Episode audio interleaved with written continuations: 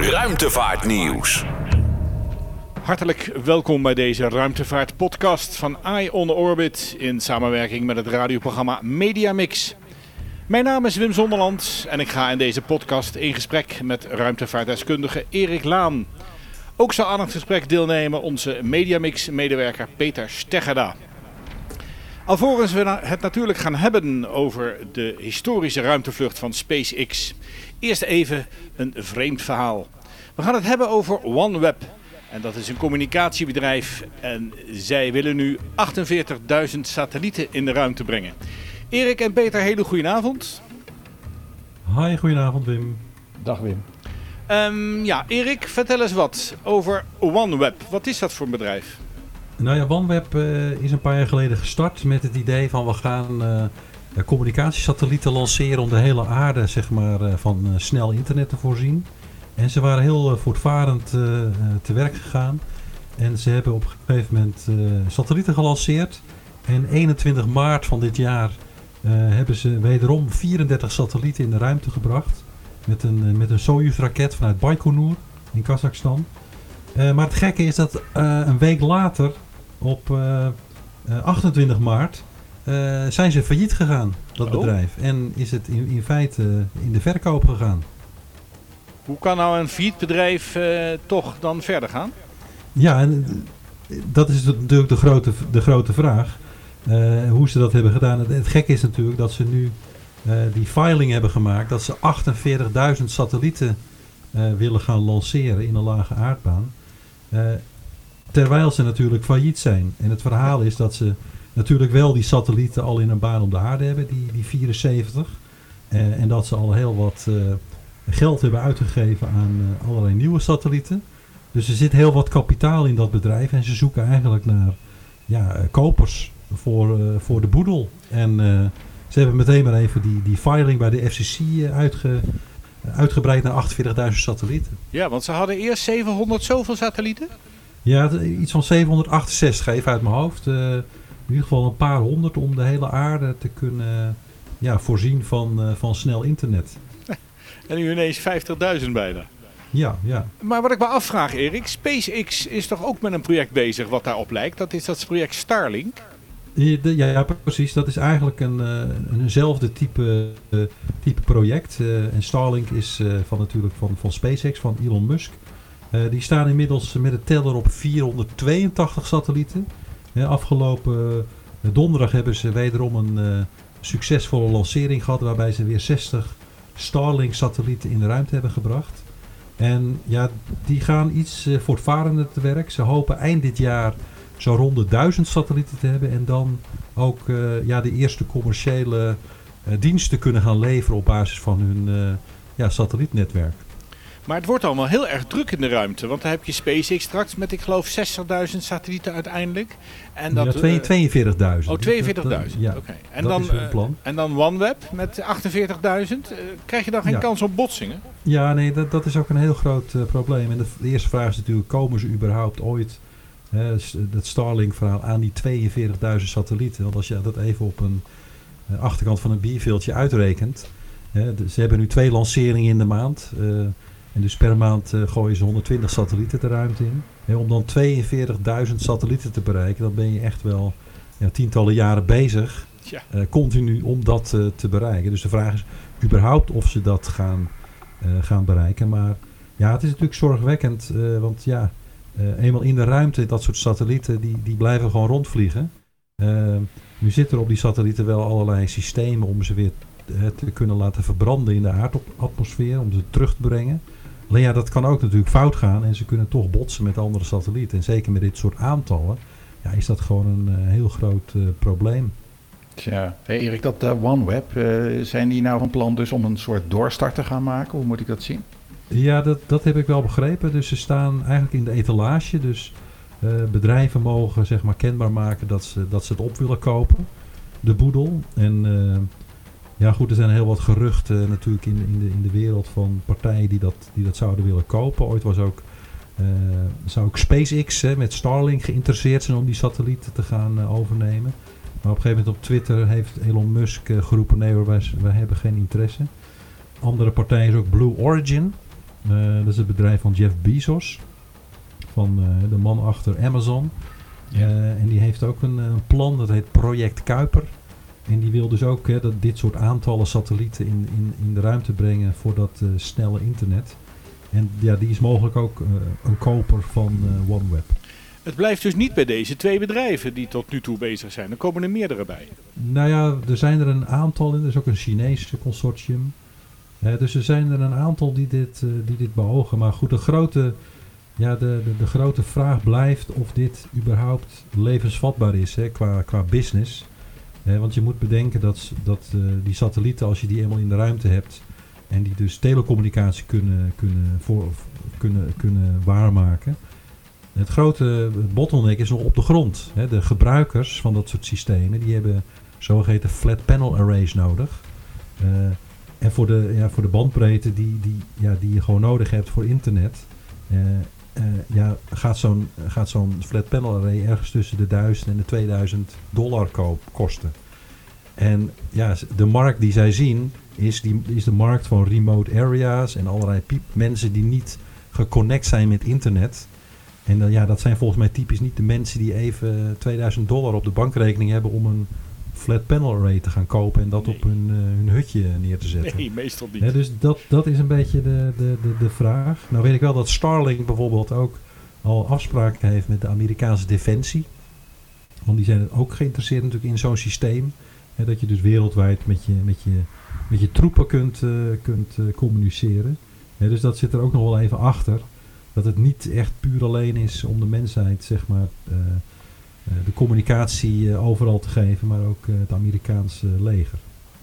Ja, en andere zakelijke toepassingen, misschien scheepvaart, dat soort olieplatforms ja, zou je misschien... En, en luchtvaart, hè, want ja, als je eenmaal zo'n zo'n flat panel array om die in een vliegtuig te installeren, ja, dat is natuurlijk hartstikke mooi. Ja, kijk, en het voordeel natuurlijk van dit soort satellieten is dat ze lager vliegen. En dat je dus qua latency uh, ja, veel beter bent dan bijvoorbeeld die geostationaire satellieten die op 36.000 kilometer vliegen. Ja, daar kun je natuurlijk ook heel goed mee communiceren. En met veel goedkopere apparatuur overigens. Alleen daar heb je latency, daar, hè, daar zeg je iets tegen iemand. Als je daarmee skypt, ja, dan zit je, zit je soms met een seconde te wachten op uh, tot iemand weer wat, uh, wat terug zegt. Vanwege die enorme afstanden. En dat heb je natuurlijk niet met uh, dit soort satellieten die, die veel dichter bij de aarde zijn. Het nadeel van die satelliet is natuurlijk dat ze natuurlijk heel snel voorbij vliegen en dat je weer uh, snel uh, connectie moet maken met een volgende satelliet die eraan komt. Ja, maar goed, daar zijn natuurlijk protocollen voor. Hè? Want dat zo ja. werkt het ook. Als je in de auto zit uh, op de snelweg, dan ga je ook van, van B-station naar B-station. Ja, dus dat, ja. dat zou moeten kunnen. Ja, precies. Maar voor de vliegtuigindustrie zou dit natuurlijk wel interessant kunnen zijn. Want ik heb al gelezen dat nou ja, ik weet niet of het echt zo is, maar in, in Amerika gaan we er naartoe dat als er op een, in ieder geval op een binnenlandse vlucht, als er geen internet aan boord is, dan, uh, dan komen de klanten bij wijze van spreken al niet meer. Ja, ja het, het is inderdaad een uh, levensbehoefte geworden, internet. Dus uh, ja. Ja, en zelfs aan boord van de vliegtuigen nu. Ja, ja. Goed, we blijven het volgen, Erik, hoe ja. het verder gaat met OneWeb. Zeker omdat ze eigenlijk failliet zijn. Maar inderdaad, wat Peter net zei, een doorstart is natuurlijk altijd mogelijk, denk ik. Ja, ja. Nee, dat, dat, dat is zeker mogelijk. En zeker gezien hè, dat ze natuurlijk al heel wat satellieten hebben hangen. Die, heel, die het heel goed doen overigens. Dus ja, er zit echt op zich wel waarde in, in wat ze nu al hebben. Dus uh, het, ja. het, ik zou het gek vinden als er niet een koper komt die daar toch, toch uh, wat mee wil gaan doen. Uh. Oké. Okay. Nou, dan gaan we nu even het hebben over een hele historische ruimtevlucht inmiddels van SpaceX. Um, dat was vorige week zaterdagavond. Vertel Erik, wat gebeurde ja. er toen precies?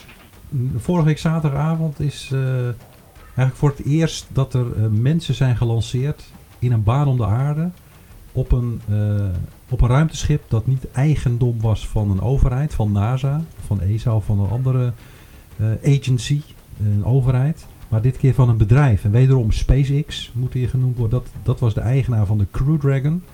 En die uh, is ingehuurd door NASA om dus twee astronauten van NASA uh, te lanceren naar het uh, ruimtestation.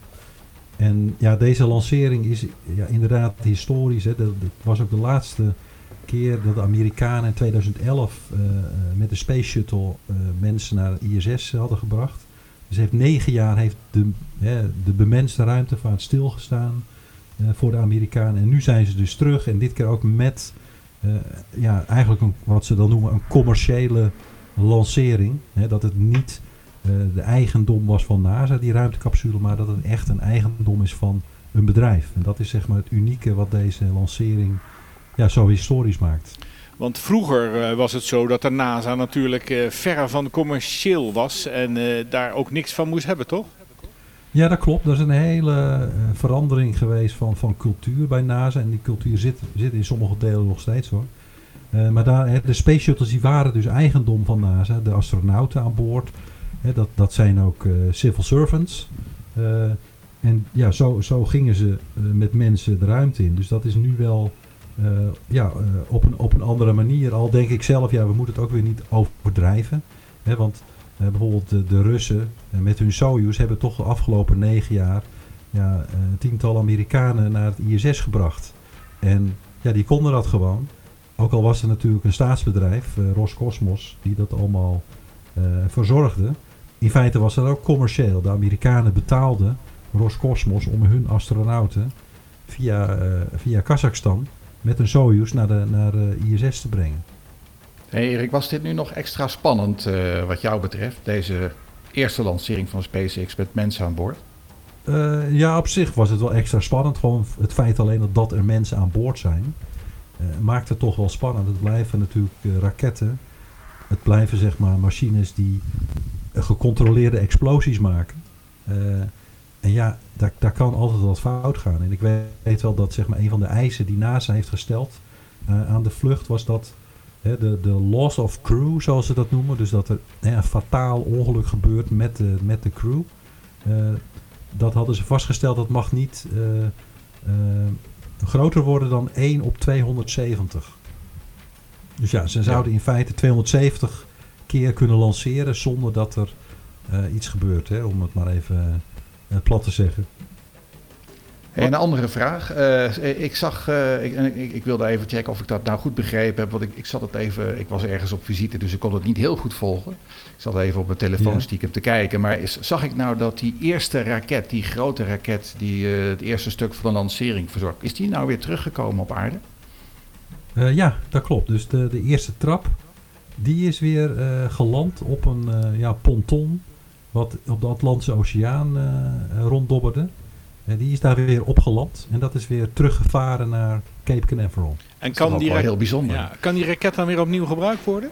Die kan weer opnieuw gebruikt worden en ze hebben inmiddels ook autorisatie gekregen van NASA om hem ook weer opnieuw te gebruiken. Zo. En uh, ja, waarschijnlijk gaan ze die dus gebruiken voor een van die Starlink uh, lanceringen die ze doen met die 60 satellieten. Dat is gewoon dezelfde raket die daarvoor wordt gebruikt. En bijvoorbeeld die laatste Starlink, dus afgelopen, afgelopen zaterdag ging er een Falcon 9 met die twee astronauten naar de ruimte. Maar alweer afgelopen donderdag ging er alweer een Falcon 9 en een andere Falcon 9 uh, eh, met 60 Starlink-satellieten. En het leuke aan die lancering was dat het de vijfde keer was dat diezelfde raket werd gebruikt. Zo. dus daar zie je echt dat die, dat hergebruik, ja, dat dat gewoon werkt. Dat ze dus niet uh, elke keer een nieuwe raket moeten bouwen om uh, die lancering uit te voeren. Tja. Um, even nog terug naar de spanning van de lancering. Zaterdag 21 uur 22, op 30 mei was dat. Dat was trouwens een vertraging, want uh, hij is een twee dagen eerder of drie dagen eerder had hij weg moeten gaan. Ja. Maar dat ging niet door toen. Nee, dat ging niet door en dat had met, uh, met het weer te maken. Er waren ook al, zeg maar diezelfde dag was er al een tornado warning uh, gekomen voor de, de county waar Cape Canaveral in, in zat. Uh, dus er was al allerlei onrust al in, in de lucht. Um, dus uiteindelijk is die lancering niet doorgegaan. En wat er ook meespeelde was zeg maar over het vluchtpad van die, van die raket. Die raket die, die gaat natuurlijk recht omhoog. Maar op een gegeven moment gaat hij natuurlijk uh, ook horizontaal om uiteindelijk in een baan om de aarde te komen. Dus hij maakt nogal een, al, een, al een pad over de Atlantische Oceaan. En ja, stel je voor dat er iets mis zou gaan en dat zeg maar die capsule van de raket af zou worden getrokken, omdat die raket uh, bijvoorbeeld stuk zou gaan. Ja, dan zou die capsule dus landen ergens op de Atlantische Oceaan. En ook het weer op die plekken, ja, dat moest natuurlijk ook in orde zijn. Want je wil natuurlijk niet dat je twee astronauten ergens midden in een Atlantische storm uh, midden, midden op zee dropt. En dat je ze maar moet gaan redden daar ergens. Dan nog even terug naar zaterdag 30 mei, de uiteindelijke echte lancering. Ehm, zullen we heel even gaan luisteren naar de lancering? Want ik heb er een stukje van, uh, van opgenomen. Oké. Okay. 10, 9, 8, 7, 6, 5, 4, 3, 2, 1, 0. Ignition. Liftoff of the Falcon 9 and Crew Dragon. Go NASA, go SpaceX, Godspeed, Bob and Doug. America has launched. And so rises a new era of American spaceflight, and with it the ambitions of a new generation continuing the dream. 20 seconds into flight, stage one propulsion is nominal.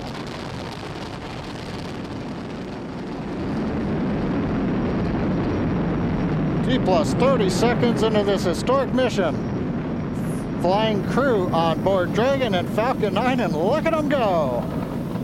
Nou, dat waren de eerste 50 seconden van de, de bijzondere vlucht, lancering die helemaal goed ging. Weet je wat mij opviel, Erik uh, en nou. Peter?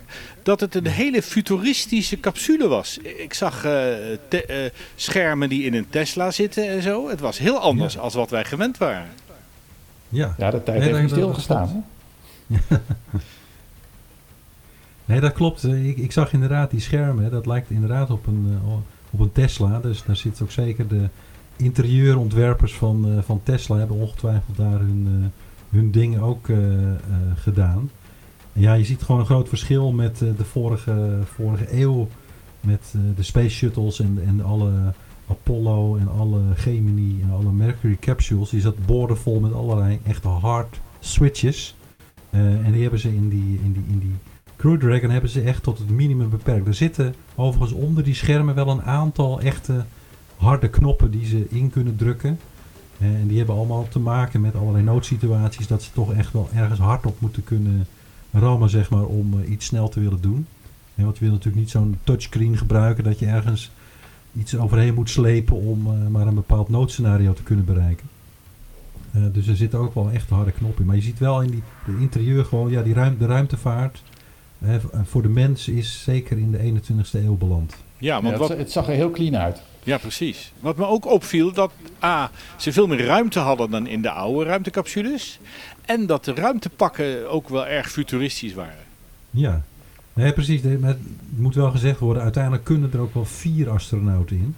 En je zag ook twee lege stoelen nog uh, zitten. Ja, dus ze waren, het was eigenlijk de halve, halve bemanning voor het ding. Uh, maar hij is zeker ruimer inderdaad dan de Soyuz. Want daar zit je met drie astronauten. Ja, zit je helemaal opgepakt. Hè. In de Space Expo in Noordwijk, daar staat de, de Soyuz-capsule waar maar André Kuipers uh, terug naar aarde is gekomen. Nou ja, je wordt al claustrofobisch als je dat ding van de buitenkant ja. ziet. Uh, dat je het idee hebt dat je daar met z'n drieën in moet passen. Ja. ja. Hey, Erik, is de, de capsule of de, de hele raket, is die ook nog vanuit Nederland te zien geweest op zaterdag? Ja, er zijn mensen die hem in de tweede omloop hebben gezien. De eerste omloop dat was echt niet, niet mogelijk. Maar bij de tweede omloop kon je hem heel laag aan het zuidwesten kon je hem even langs zien komen. Maar dat was niet... ja, dat, dat moest je echt weten waar je moest kijken. En je moest echt ja. vrij zicht hebben op de horizon. Dat was eigenlijk leuker geweest als hij daadwerkelijk die eerste poging, als die wel door was gegaan. Want dan zou die echt ja, boven Noord-Frankrijk vliegen. En dan ook op een tijdstip dat de zon zeg maar net onder de horizon was. Dat je, en dat geeft eigenlijk de, ja, de, het beste zicht zeg maar, op, die, op die capsule. Uh, maar goed, dat ging helaas, uh, helaas niet door. Nou zijn ze uh, nog geen dag later netjes aangekomen bij het ISS en inderdaad gekoppeld. Um, nou vraag ik me af, die, ze zitten nu uh, in het ISS met hoeveel andere astronauten? Ik dacht er nog drie, drie andere te zien. Uh, dus ze zitten dan met vijf met astronauten, vijf. als ik het goed heb. En dan ja. gaan er een aantal weg binnenkort waarschijnlijk. Gaan die dan ja. met diezelfde ruimtecapsule weer terug? Nou, die, die, die astronauten die nu met die Crew Dragon omhoog zijn gegaan, die gaan ook weer met de Crew Dragon terug. En de vraag is wanneer ze teruggaan. Uh, en ik heb ja, dat, een beetje onduidelijkheid daarover gehoord. Dat het of nog uh, hè, dat ze maar een maandje blijven en dan teruggaan. Of dat ze zelfs drie maanden blijven en dan teruggaan. En het schijnt af te hangen van uh, de zonnepanelen van de Crew Dragon. En er zitten zonnepanelen op dat ding. Om, hè, dat ding heeft elektriciteit nodig als hij, als hij zelf vliegt. Uh, en die zonnepanelen die, ja, die gaan achteruit doordat ze in de ruimte zijn, door de straling. door kosmische straling. En ze houden dus die zonnepanelen goed in de gaten. En dat ze niet te laat terug kunnen als die zonnepaneel niet meer, niet meer helemaal goed werkt. Maar die andere drie astronauten die zijn met een Soyuz gekomen. En die gaan ook weer met diezelfde Soyuz ook weer naar beneden. Zijn er dan twee, zitten die dan nu allebei gekoppeld aan het ISS? Ja, ja. Oh, Precies. Dus er zijn twee ruimteschepen gekoppeld aan het ISS. En ik meen dat er nog een, nog een derde poort is waar nog een derde aan zou kunnen koppelen. Oké. Ja. Ik hoorde ja, overigens... Komen uh, van, uh, ja, ja, dat is goed geregeld. Ik hoorde overigens wel dat het plan was, maar dat jij vertelt dat dat dus wat variabeler is. Dat ze 110 dagen zouden blijven. Dat hoorde ik ergens, of dat was ik ergens. Maar dat is dus niet zeker. Nou, dat, dat is niet zeker, nee. Of dat daadwerkelijk zo is. Maar het zal me niet verbazen als dat uiteindelijk eruit gaat komen. En dat die zonnepanelen het gewoon eh, goed blijven doen van die Crew Dragon. Hebben de astronauten van de, van de Crew Dragon nog speciale werkzaamheden die ze gaan uitvoeren daar? Nou, ze gaan, uh, begreep ik, vooral uh, een aantal ruimtewandelingen doen om een aantal reparaties uit te voeren aan het ruimtestation. Dus daar hebben ze ook voor getraind. En dat wordt hun, hun missie ook om dat, om dat soort dingen te doen. En daarnaast hebben ze allerlei ja, taken ook om wetenschappelijke experimenten uit te voeren. Ja, dus dat is heel, uh, heel variabel wat ze allemaal uh, moeten doen. Maar het is uh, ja, een vrij intensieve job hoor, aan boord van ISS. Je bent eigenlijk continu bezig met van alles en nog wat om, om dat ruimtestation goed, goed en gezond omhoog te houden. In ieder geval was het een zeer historische ruimtevlucht. En ik denk dat er nog wel een aantal zullen volgen de komende tijd. Ik denk het ook. Goed, dan gaan we nog even kijken naar wat andere activiteiten, Erik en Peter. Um, juli, dat wordt een hele drukke maand. Vertel, Erik. Ja, juli wordt een hele drukke maand en specifiek voor, voor Mars-missies. Ehm, want er gaan een aantal uh, missies naar Mars. en ja, waarom in juli? Nou, dat is precies het moment wat één keer in de 26 maanden eigenlijk zich voordoet. Is dat je dan de perfecte overstap kunt maken naar de baan van de planeet Mars. dus die hebben, een aantal landen hebben dat uh, ook uh, ja, op zich genomen om precies dan te gaan lanceren. Dus 17 juli uh, gaat bijvoorbeeld de Perseverance rover naar Mars, de Amerikaanse rover. Een beetje het grotere broertje van de Curiosity. En de Curiosity die rijdt nu op Mars en dat is ook al een flinke jongen. Eh, maar de Perseverance is nog 100 kilo zwaarder, dus die, die, weegt meer dan 1000 kilo. En die gaat volgend jaar, 18 februari 2021, gaat die landen op Mars en gaat hij dan weer uh, ja, onderzoek doen aan, aan Mars en op zoek naar leven en op zoek naar allerlei interessante samples uh, op Mars en allerlei Marsonderzoek. Maar goed, ze zijn niet de enige. een NASA-project is dat dus? Dat is een NASA-project, ja. Klopt. En, en de reistijd is dus, wat is het, een maand of acht dan? Ja, een maand of uh, zeven. Ja. Oh ja, ja. Zeven maanden. Dus zo je kunt het in principe en ze lanceren nu dus. Ja. Wat zeg je? Nee, ik, ik, jij gaf in het begin aan van dit is het meest ideale moment. Is dat, heb je dan, betekent dat dat je de, de kortste reistijd hebt?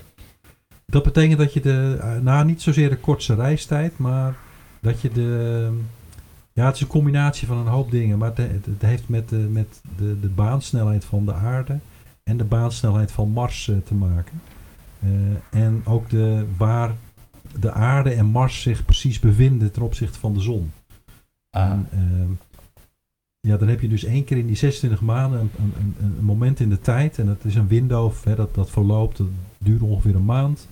Als je dan in dat window lanceert, dan ben je in staat om ja, energetisch gezien het, het minste energie eh, te gebruiken om naar Mars te komen. En dat betekent zoveel dat je zoveel mogelijk uh, van je raket uh, je, je payloadmast kunt gebruiken om uh, instrumenten mee te nemen in plaats van brandstof voor de raket zelf. Ja.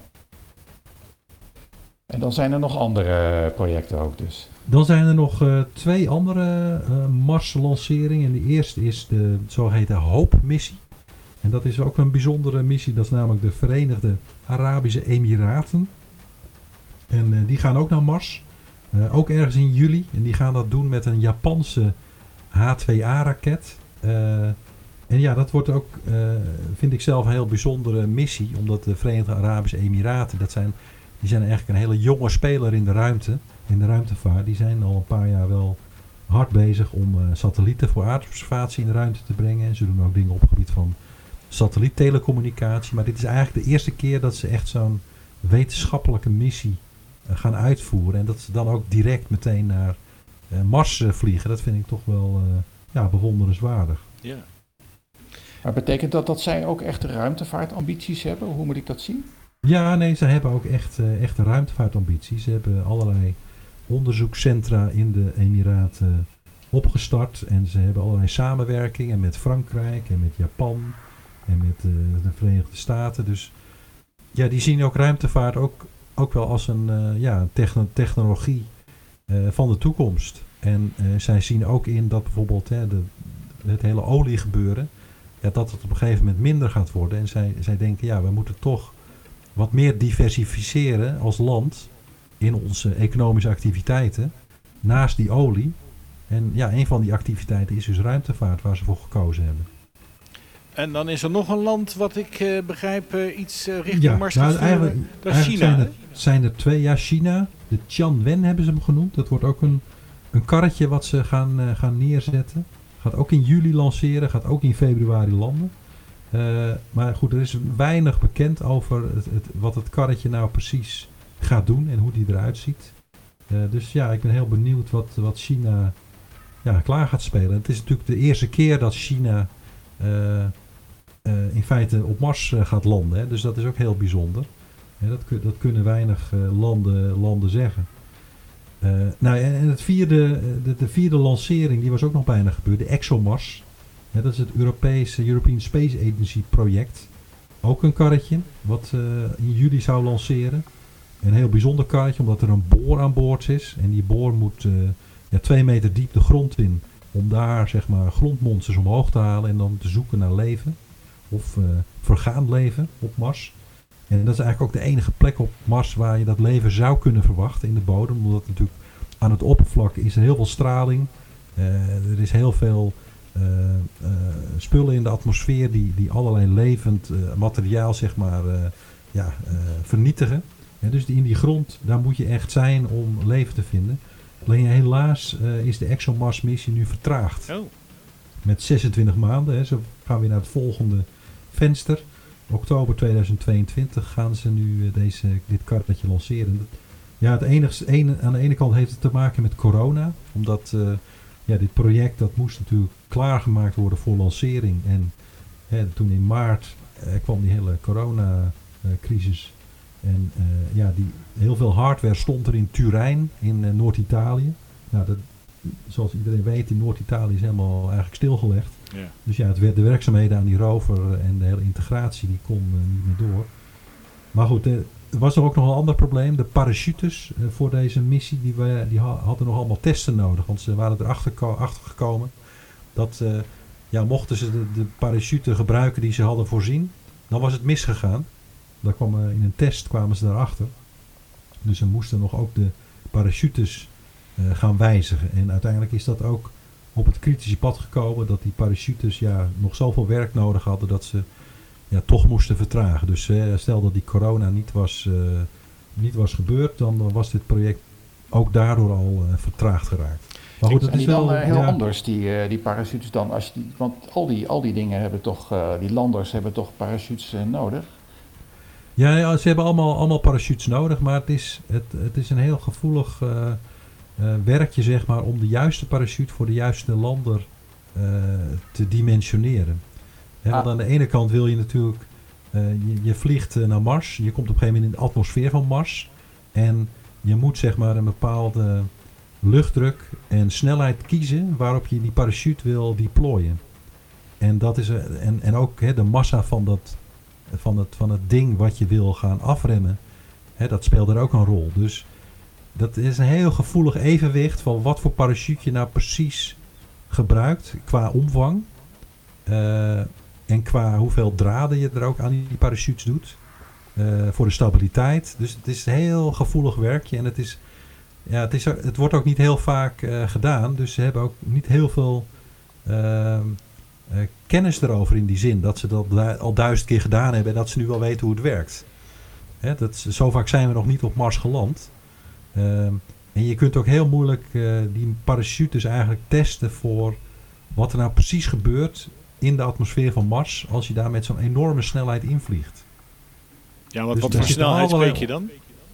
Ja, dan, ga je, dan praat je over uh, 9, 10 kilometer per seconde. Oh ja. Oei. dat je die atmosfeer binnenkomt. En dat, dat is niet het moment dat je overigens die parachute moet uitgooien. Want dan, ja, dan heb je niks aan een parachute. Want de luchtdruk is veel te laag. Dus, maar je moet het ook weer niet te laat doen.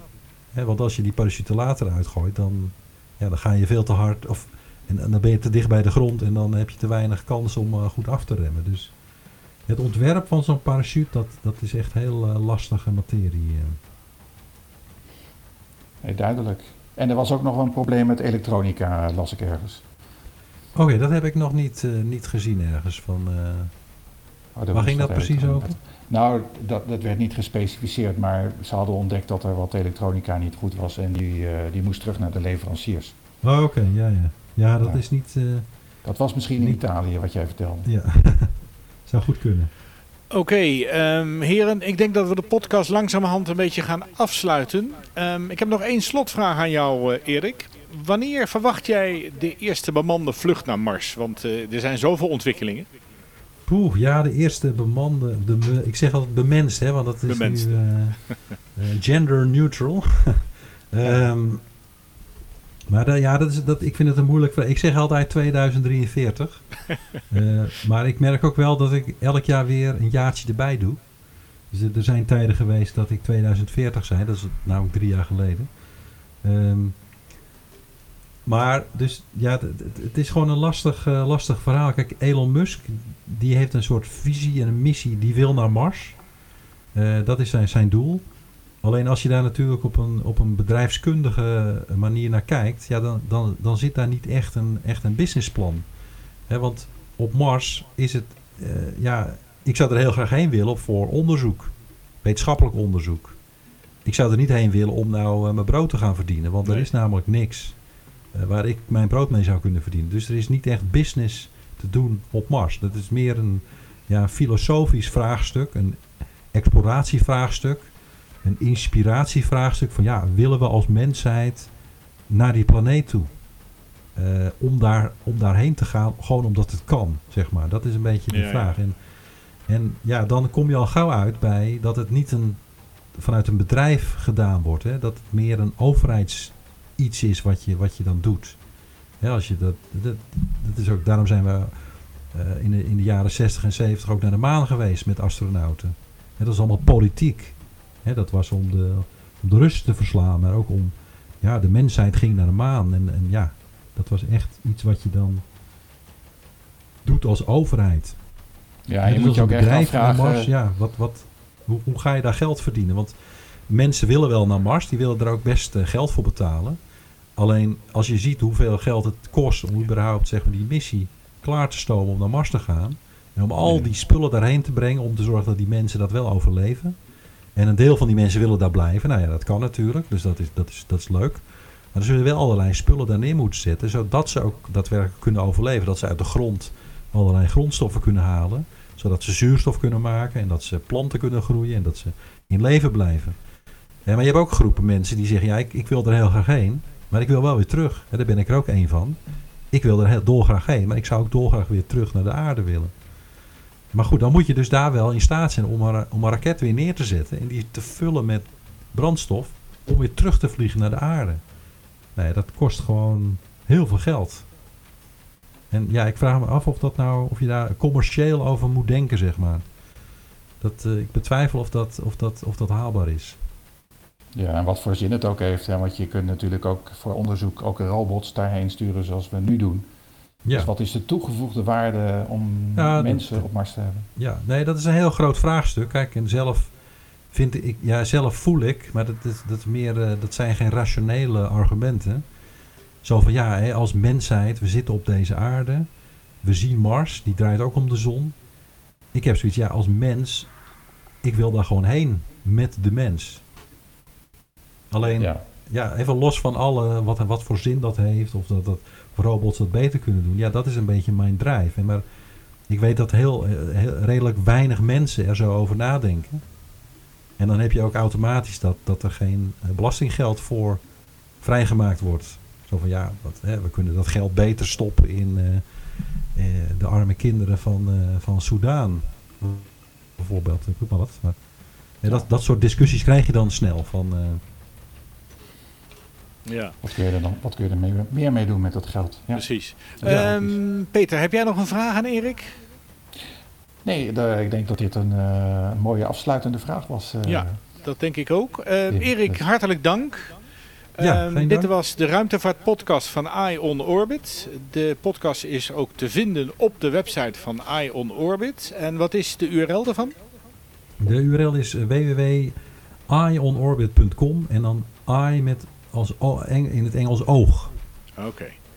Nou, ik denk uh, dat ik kan zeggen, Erik, dank je voor, de, voor je bijdrage, voor je informatie en nou, voor je kennis. Ook. Peter, ook dank je voor je medewerking. En uh, wat mij betreft, tot een volgende podcast. Ja, tot de volgende keer. Toch.